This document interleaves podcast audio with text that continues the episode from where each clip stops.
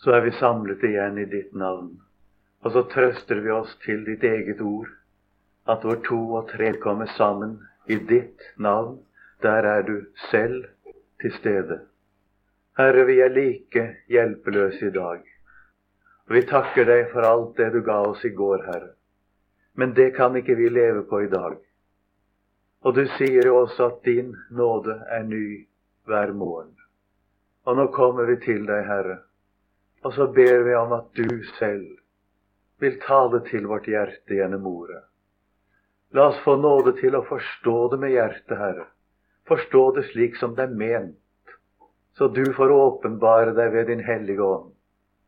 Og så ber jeg om å få alt fra deg, Herre, i ditt navn. Amen. I går stanset vi for et eksempel på Jesus sjelesorg overfor et typisk verdslig menneske. Det er ikke det eneste tilfellet vi har, men det var det eneste jeg kunne ta med i denne sammenheng. Nå skal vi ta i dag et eksempel på sjelesorg overfor det vi vil kalle typisk religiøst menneske. Nå er det ikke sikkert at forskjellen på religiøse mennesker og verdslige mennesker er så stor som vi ofte gjør den til i forkynnelsen. For som Lien var inne på også i går, så er vi skapt i Guds bilde. Og det naturlige mennesket er religiøst, også når det er verdslig. Og et religiøst menneske, det er verdslig, selv om det er religiøst. Så vi skal være litt forsiktige med å overdrive den forskjellen. Men vi skjønner jo stort sett hva vi mener. Det er to forskjellige måter å leve sitt liv på. Den ene det er den åpenbare verdslighet, og det som mennesker vil kalle et uetisk eller umoralsk liv. Det andre det er det man kaller det etiske og det moralske liv, hvor man altså i sin livsførsel innretter seg så det er ikke noe utvalgte sett andre kan peke på, der man kommer i konflikt med budene så langt gjerningene da, og selve livsførselen går.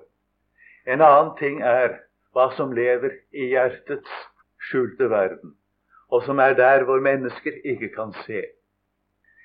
I dag skal vi da ta et eksempel på sjelesorg overfor et menneske som søker til Jesus for å få svar på spørsmål. I går var det et menneske som han møtte tilfeldig, men det er det ikke i dag. Det er et menneske som oppsøker ham og vil snakke med ham. Og for så vidt kjenner dere historien. Jeg sier igjen, det spørs bare om dere kjenner den godt nok. Det er en annen sak. Det er Jesus' samtale med Nikodemus, slik vi finner den i Johannes evangeliets tredje kapittel. Det var en mann av fariseerne som het Nikodemus, en av jødenes rådsherrer. Han kom til ham om natten og sa, Rabbi, vi vet at du er en lærer kommet fra Gud, for ingen kan gjøre disse tegn som du gjør, uten at Gud er med ham. Jesus svarte og sa til ham, Sannelig, sannelig, sier jeg deg, uten at noen blir født på ny, kan han ikke se Guds rike. Nikodemus svarte og sa til ham, Hvorledes kan et menneske fødes når han er blitt gammel?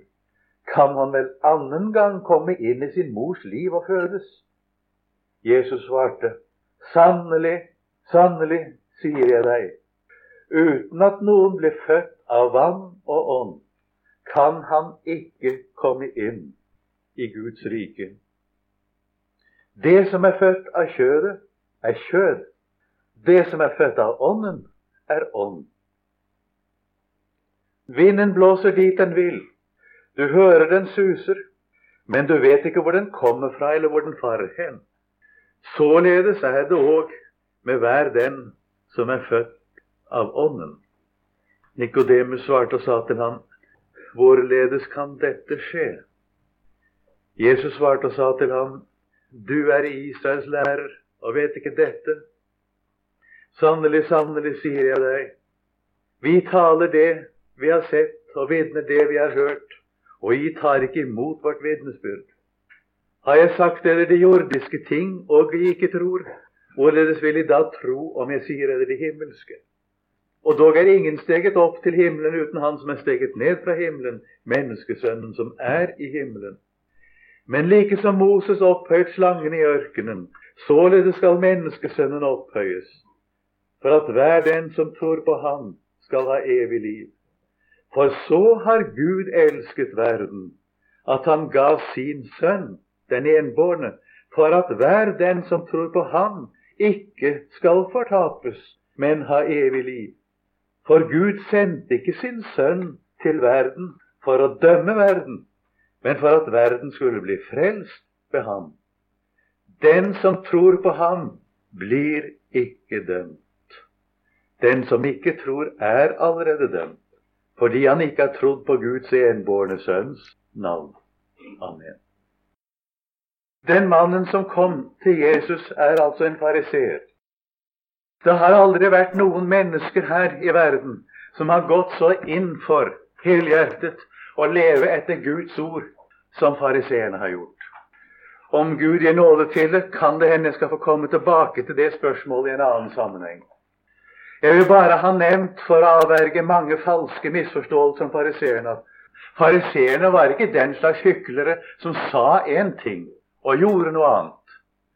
De var heller ikke slike folk som ikke hadde sans for motiver og sinnelag. De var nøye på sine motiver, og motivene fant de i nestekjærlighetsbudet. Typisk for fariseismen på Jesu tid er den bekjente historie om rabbineren Hillel, som er omtrent samtidig med Jesus. Eller litt. Ja, så omtrent. Det kom en hedning til Hillel og sa det at hvis du kan lære meg hele loven mens jeg står på ett ben, skal du få lov å gjøre meg til proselytt. Dvs. Si, da skal jeg gå over til jødenes tro. Og på den tiden var fariseerne meget ivrige etter å vinne proselytter. Og det er de forresten begynt å bli igjen i dag òg. Hillel greide det. Og du vet, når man skal undervise en mann men som står på ett ben, kan man ikke bruke altfor lang tid på det.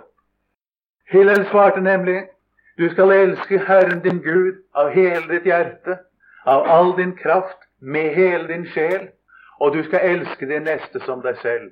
Se, der har du hele loven.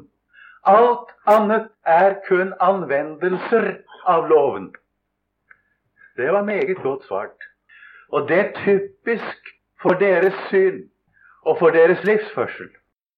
Det er altså typisk også for den mannen som heter Nikodemus. Vi vet om Paulus sier om seg selv han var ulastelig etter loven.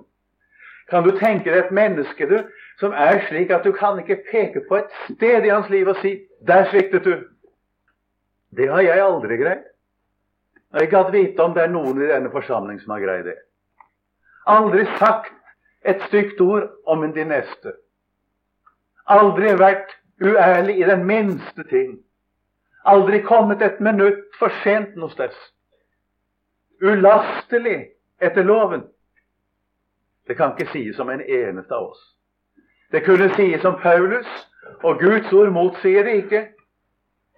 Det kunne også sies om Nikodemus. Han var i ordets fulle mening en fin mann. Og det er også noe rettskaffent over Nikodemus. Dertil var han en av jødenes rådsherrer. Det var jo ikke mange fariseere som satt i Det høye råd. Man regner at på Jesu tid var det ca. 6000 fariseere. Av dem var det jo bare noen få som var skriftlærde, for de skriftlærde var jo fariseernes teologer og lærere, også deres jurister. Og det var enda færre som var medlemmer av Det høye råd, naturligvis. Men selv fariseerpartiet, 6000, det blir ikke så meget når du regner med at Det kan man vel ikke si annet enn sånn anslagsvis. Men Man regner regne med at det var mer enn seks millioner jøder på den tid, når man tar med jødene som bodde utenom Palestina. Man regner at etter de opplysninger som Josefus gir, at det kunne være opptil seks millioner bare på høytiden i Jerusalem. Og Det var vel mesteparten av jødene samlet, kanskje. Men det var nok flere. Av disse var det 6000 som var fariseere. Og av disse var det noen få utvalgte som var lærere, Nikodemus var det også. Og av de var det noen få som var med i Det høye råd. Og vi vet at de som var i Det høye råd, det var rike slekter, rikfolk. Så Nikodemus har vært en rik mann, en lærd mann, en from og religiøs mann, og sannsynligvis en forholdsvis ung mann. Ung i den tiden er litt annerledes enn nå. Han har vært en mann omkring 30 år gammel. Og så har jeg tenkt på om en slik mann kommer til en sjelesørger i dag, hvordan ville han bli mottatt? En mann som står langt oppe i samfunnet. Vi kan jo kanskje si på en måte at det å sitte i statsråd, det å være i Stortinget, betyr å være høyt oppe, men det betyr ingenting sammenlignet med å være i Det høye råd. Der var plassene arvelige i disse rikmannsslektene. Og det å sitte i Det høye råd Du gjør deg ingen forestilling om den autoritet de menneskene hadde i Israel. Her kommer altså en mann med en stor autoritet i samfunnet. Han er rik, og du vet hvordan folk er overfor dem som er rike. Og han, han har all grunn til å bli respektert også for hva han er. Han kommer til Jesus om natten, står det. Det betyr at det var etter klokken 18 om ettermiddagen. Det var sannsynligvis omkring de tider vi pleier å ha våre kveldsmøter. Det var ikke i de små timer, det kan du være sikker på. For det regnet var at det var natt etter klokken 18. Etter den tolvte time, altså. Og eh, la meg si det i parentes at når jeg en gang hør, hørte en anvende dette med Nikodemus, som kom til Jesus om natten, som forsvar for at predikantene sitter til langt ut på natten, nesten til morgentimene, og snakker med folk etter møtene, så er det misbruk. Det sier jeg. Et stygt misbruk av Guds ord. Det hører ingensteds hjemme. På den tid av døgnet har ikke riktig kontroll over seg selv, verken de som spør eller de som skal svare. Det eneste tilfellet er når folk ligger på dødsleie. Da er det ikke spørsmål om tid på døgnet. Men noe annet tilfelle vet jeg ikke. En får avtale tid og komme hjem på en tid av døgnet da tanken er klar og samvittigheten reagerer normalt. Han kommer altså til Jesus på en tid da han vet Jesus er å treffe. Og det kan jo tenkes han ønsket at så få som mulig skulle legge merke til det. Det siste er jeg ikke sikker på. For saken er at det ville vekke langt større oppsikt at han kom til Jesus på denne tiden, enn at han hadde kommet tidligere på dagen. Så det siste er jeg ikke så sikker på. Men det finnes teologer også som påstår at han kom av frykt for jødene. Og det må vel ha sin grunn i at det står en bemerkning om ham i høye råd. At han trodde på Jesus, men ikke gjorde det kjent av frykt for jødene. Men vi kan ikke sånn uten videre overføre det til denne beretningen. Det som er typisk, er i hvert fall han må snakke med Jesus. Og det er ikke på skrømt. Det er alvor. Om han er vakt, tør jeg ikke si. Jeg er tilbøyelig til å si at Nikodemus slett ikke er noen vaktmann ennå. Jeg tror han blir vakt under samtalen med Jesus. Men det er et spørsmål som trenger seg sterkt inn på ham. Og fordi han er en ærlig og redelig natur, så må han snakke med Jesus om dem. Han er ingen, på ingen som helst måte noen tilfreds mann. Og det skal du legge merke til at fine mennesker som er ærlige og rettskafne, de er meget sjelden tilfreds. Og de er iallfall ikke tilfreds med seg selv. Så kommer han, så må han snakke med Jesus. Og han innleder, som du hører, meget fint. Rabbi, vi vet at du er en lærer kommet fra Gud. For ingen kan gjøre disse tegn som du gjør, uten at Gud er med ham. Og der taler han ganske sant. Men der blir han også avbrutt. Jesus skjønner godt hvorfor han er kommet. Og det som Nikodemus ønsker, det kan Jesus i det hele tatt ikke gå inn på. Han ønsker som rabbi å drøfte spørsmålene med en annen rabbi, som han anerkjenner som en lærer kommet fra Gud. Men det går ikke Jesus med på. Han avbryter ham og sier det. Sannelig, sannelig, sier jeg deg, uten at noen blir født på ny, kan han ikke se Guds rike. Det ordet 'se' er det samme som jeg nevnte i forbigående i går også, tilsvarende vårt ord 'oppleve'. Uten at noen blir født på ny, kan han ikke oppleve, kan han ikke i hele tatt gjøre noen slags erfaring om, og dermed da heller ikke ha noen berettiget mening om Guds rike. Guds rike her, altså det å se Guds rike, og som det står litt lenger nede, komme inn i Guds rike, det betyr ikke det samme som vi kaller å bli en kristen, eller bli et frelst menneske. Det er her er tale om Guds rike, slik som det alltid er i evangelieskriftene. Om det rike som opprettes ved Jesu gjenkomst. Og skulle oversette det til vår daglige tale og vår tenkemåte, så vil det bety det at uten at noen blir født på ny, kan han ikke komme til himmelen. Det er ikke ganske korrekt å si det at du må bli født på ny for å bli en kristen. Du kan like gjerne da forkynne, og helst bedre forkynne, du må bli en kristen for å bli født på ny. Ikke sant? Der er ingen tidsforskjell. Du blir født på ny i samme øyeblikk du blir en kristen. Og i samme øyeblikk du blir født på ny, er du en kristen. Du er ikke en kristen før du er født på ny. Og du er heller ikke en kristen hvis du opphører med å være født på ny. Å være en kristen og å være født på ny, det er to uttrykk for én og samme sak. Allikevel vil jeg gjerne ha sagt det at det er ikke ganske i sin orden når det blir sagt at du må bli født på ny for å bli en kristen. For da tar man og forkynner virkningen som en betingelse for det som egentlig er betingelsen for å oppleve virkningen. Jeg skal komme tilbake til det, så jeg sier ikke mer om det nå. Det som Jesus altså sier til Nikodemus, er det det er ikke noe gagn i å spørre meg om Guds rike, for det skjønner du ikke allikevel. Og du er ikke på veien til Guds rike. Og i den tilstand du befinner deg, kommer du der ikke. Og du vet, det var en tale for en slik mann. Det var noe å få høre, du. For en Isais lærer, en rabbiner, en rådsherre. Men det var det Jesus sa. Dermed har Jesus sagt det finnes ingen mulig vei fra det å være et naturlig menneske til å komme inn i himmelen. Og Jeg vil gjerne ha understreket det her. Du må ikke forkynne det at du kan komme inn i himmelen slik som du er, for det kan du ikke. Ingen kommer inn i himmelen slik som en er, nei. Vi kan få lov å forkynne i dag du får komme til Jesus slik som du er nå. Det får du. Gud være evig lov og takk for det. Nå, i dag, får du komme som du er. Men når Jesus kommer igjen, er det bare de og ingen andre som er født på ny, som kommer inn i Guds rike. Ingen andre. Du vet hvordan det går med vanndråpen når den kommer i et bål. Den blir ikke der. Der passer den ikke, nei. Men hvis vanndråpen faller i havet, blir den ett med havet.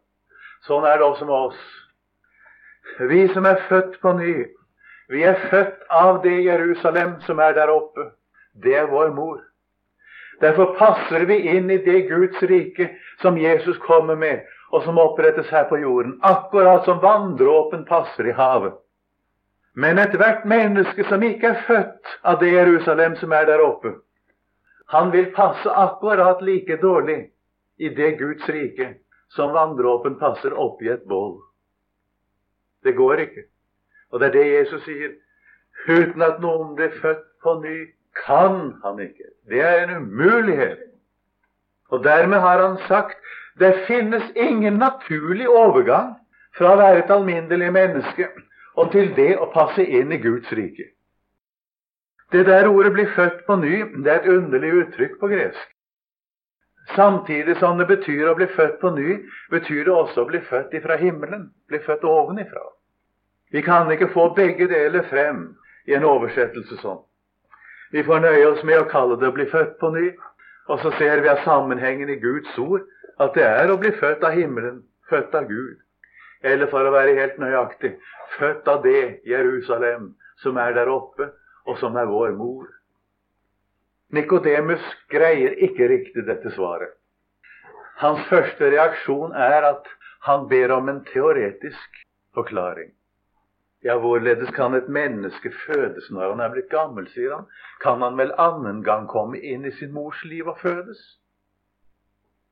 Det er ganske typisk for oss mennesker, spesielt når vi er religiøst innstilt. Hva er kristendom? Kan du forklare meg hva kristendom er?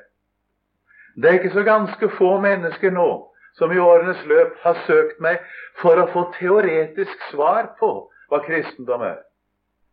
Det er ikke annet å gjøre enn å si at et slikt svar gis ikke. Om vi prøver på det, er ingen hjelp i det. Men det er akkurat som å forklare farger for en fargeblind, vet du. Eller forklare musikk for en umusikalsk. Kan ikke det.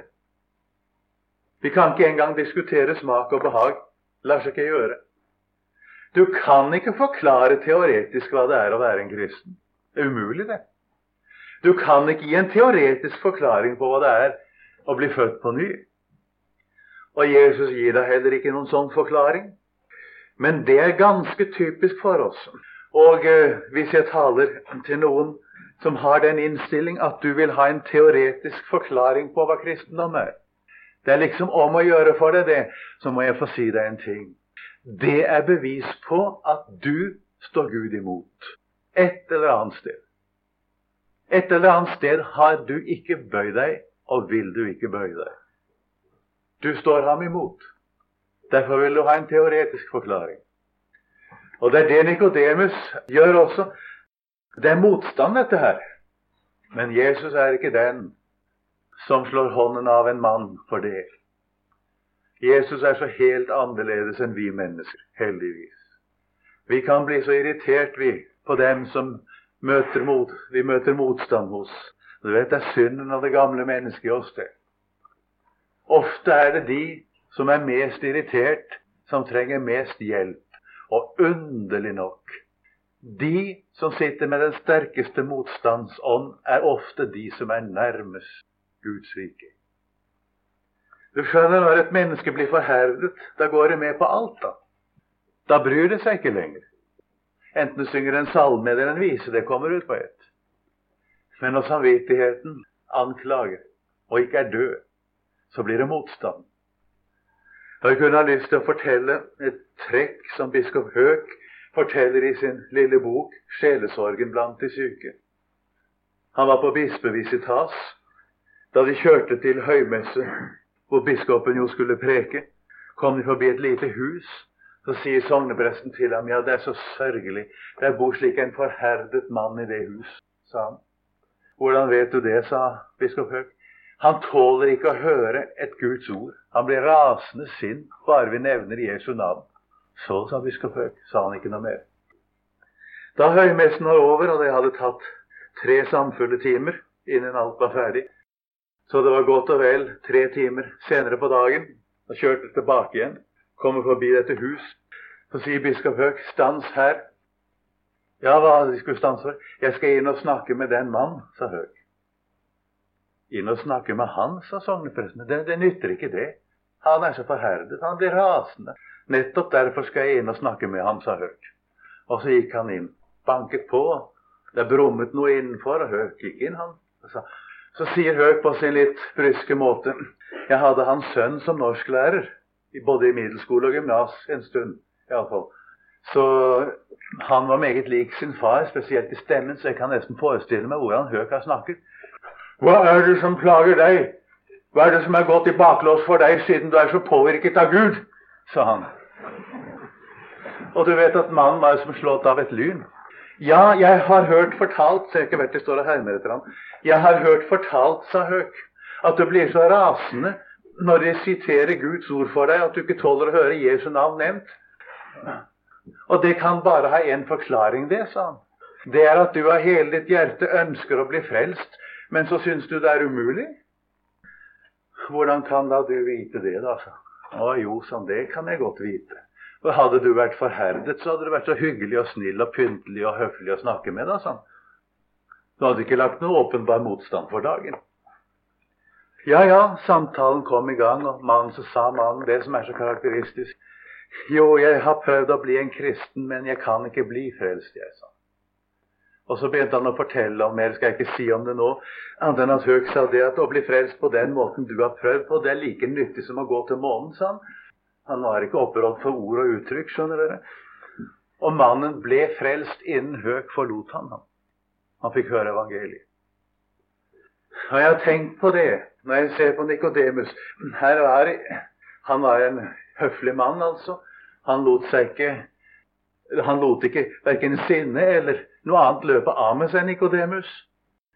Men jeg har selv litt erfaring for når jeg snakker med jøder, og kommer inn på slike ting, av den ånd en kan møte av motstand. Og jeg vil gjerne ha sagt dere det. Der er, der er håp når det er motstand sånn. Det er mye bedre det enn at det blir selvfølgelig. Så avbryter Jesus ham igjen, og så bare forsterker han det han har sagt. Uten at noen blir født av vann og ånd, kan han ikke komme inn i Guds rike. Der bruker han uttrykket 'komme inn'. Og der taler ikke Jesus om dåpen, vil dere huske det? Den er ikke innstiftet ennå. Jeg begriper ikke hva det skal være godt for å begynne å snakke om dåpen hver gang man kommer til dette ordet uten at noen blir født av vann og ånd. For det er ikke det Jesus taler om. Og det er ingen saklig bibeltolker som har greie på det han snakker om, som kan si noe slikt heller. Det refererer seg til døperen Johannes og hans virksomhet, og til Jesus selv og hans virksomhet. Her kom døperen Johannes, han døpte med vann. Her kommer Jesus, han døper med Den hellige ånd. Nikodemus hadde stått på avstand. Ikke hadde han kommet til Johannes og tatt imot hans budskap. Ikke hadde han tatt imot det Jesus forkynte da han gikk inn i samme gjerningen der nede ved Jordan. Han hadde holdt på en stund da. Du skjønner hva Jesus ville ha sagt? Du kommer, med, kommer til meg og vil snakke med meg, men til denne dag har du lagt for dagen at du har ikke bøyd deg for Guds råd. Det er hva Jesus sier. Rett forstått kan vel disse ord anvendes på dåpen, men da må det jo legges en annen mening inn i dem. Men det er det Jesus mener. Den som skal komme inn i Guds rike, må gi seg inn under Guds råd. Han kan ikke stå Guds råd imot. Og dette virker på Nikodemus. Det virker meget sterkt. Og her viser det seg at Nikodemus er ikke en vanlig mann. Han er noe for seg selv fordi han lar seg påvirke av hva Jesus sier. Og Jesus fortsetter nå å tale til ham at 'Jeg undrer deg ikke over dette', sier han, 'at jeg sa til deg, jeg må fødes på ny'. Så bruker han et bilde. Vinden blåser dit den vil. Du hører den suser, men du vet ikke hvor den kommer fra, eller hvor den farer hen. Således, sier han, er det òg med hver den som er født av Ånden. Jesus sier altså ikke at dette er bildet på Den hellige ånd, men han sier et bilde på hver den som er født av Ånden. Meningen er ganske tydelig. Du står ute, og, står, og det blåser. Og det kan det gjøre kraftig i Israel. Det kan blåse akkurat som på Jæren og åpne steder. Så kjenner du vinden, ja. Du er ikke i tvil om at den er der. Men du kan ikke peke på den og si der kommer vinden, og der farer den. Det kan du ikke. Men du er ikke i tvil om at den er der, nei. Således er det òg med hver den som er født av Ånden. Menneskene er ikke i tvil om det mennesket er født av Gud. Gud har noe med det mennesket å gjøre. Men hvordan det henger sammen, det er ubegripelig. Her er det mennesker. De kan ha ligget i rennestein. Jeg snakket med en i fjor. Han fortalte meg selv at han var mer i fengsel enn han var utenfor. Og politiet samlet han opp både her og der. Og så fikk han høre ord om Jesus, og så ble han født på ny. Det er nå 12-13 år siden. Og i tre Nei, i 11, i 11 av disse 13 år har han nå vært bymisjonær i Trondheim. Og det er underlig hva Gud har brukt ham til. Og menneskene må si det. Det er ikke tvil om at Gud har med det mennesket å gjøre. Men hvordan henger det sammen? Og det er ganske enkelt, sier Jesus. Det som er født av kjødet, det er kjød. Det som er født av ånden, det er ånd. Altså det som er født av det naturlige mennesket, det er det naturlige mennesket. Om det er et åpenbart verdslig kjød, eller det er et pent og religiøst kjød, det er dog kjødet. Det som er av det naturlige mennesket, det er det naturlige mennesket. Men det som er født av Ånden, Det, er det ånd. Og nå ser vi altså at Nikodemus er stor nok til å være så liten at han spør hvorledes kan dette skje? Det er liksom det kommer litt forsiktig, det spørsmålet. Hvorledes kan dette skje? Det er ikke teoretisk, det spørsmålet der. Nå spør han hvordan kan det skje med meg? Det er det som er meningen. Hvordan går det til, med andre ord, å bli født på ny?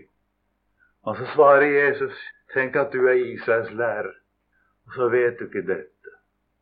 Du er Israels lærer, og så vet du ikke hvordan et menneske kommer i samfunn med Gud. Han er ikke den siste lærer i Israel som ikke vet det. Men Jesus slår ikke hånda an for det. Og du har ikke hørt ett avvisende, ikke ett dømmende ord fra Jesu munn til Nikodemus.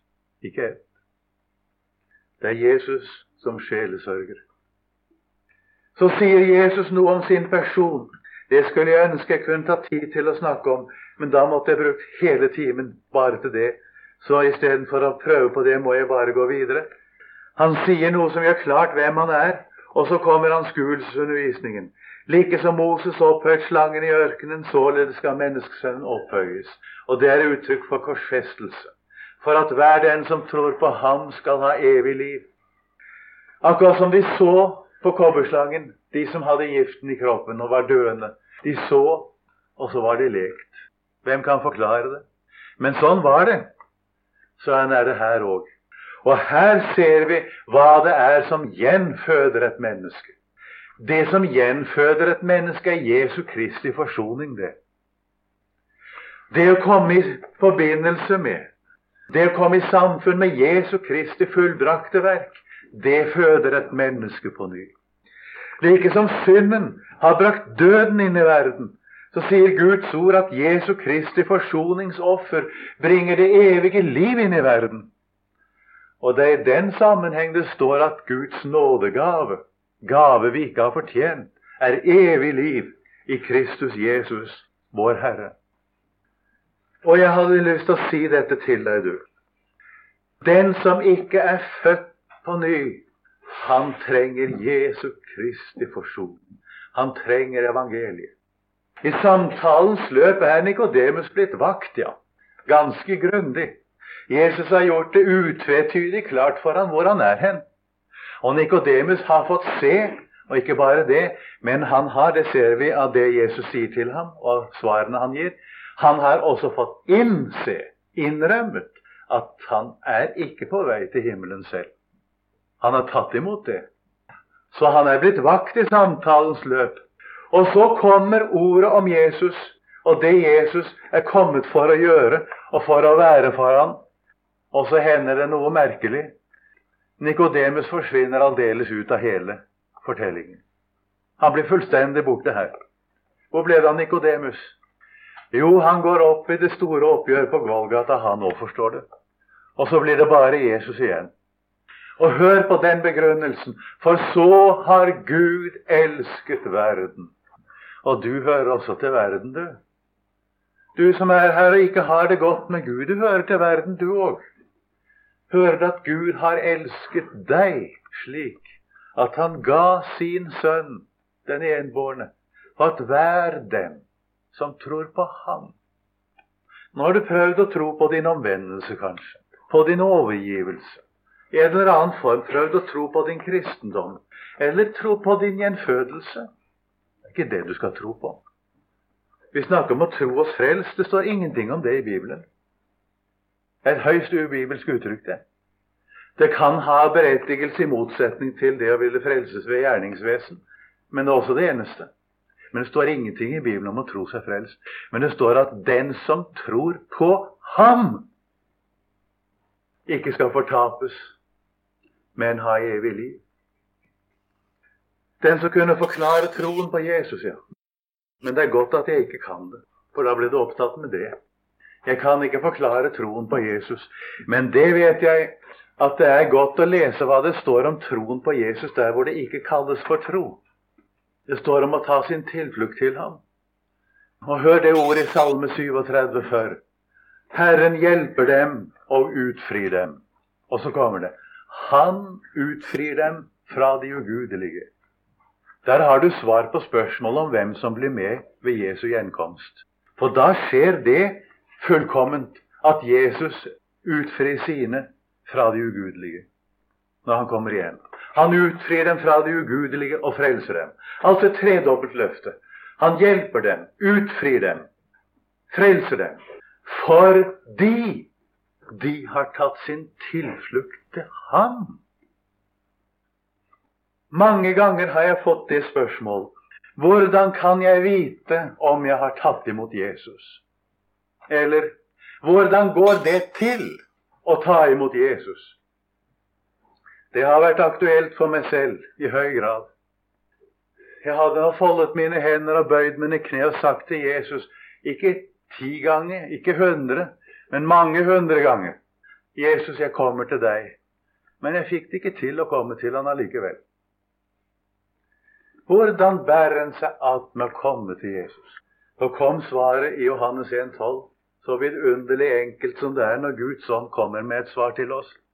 Alle dem som tok imot ham, står det, dem ga han rett til å bli Guds barn.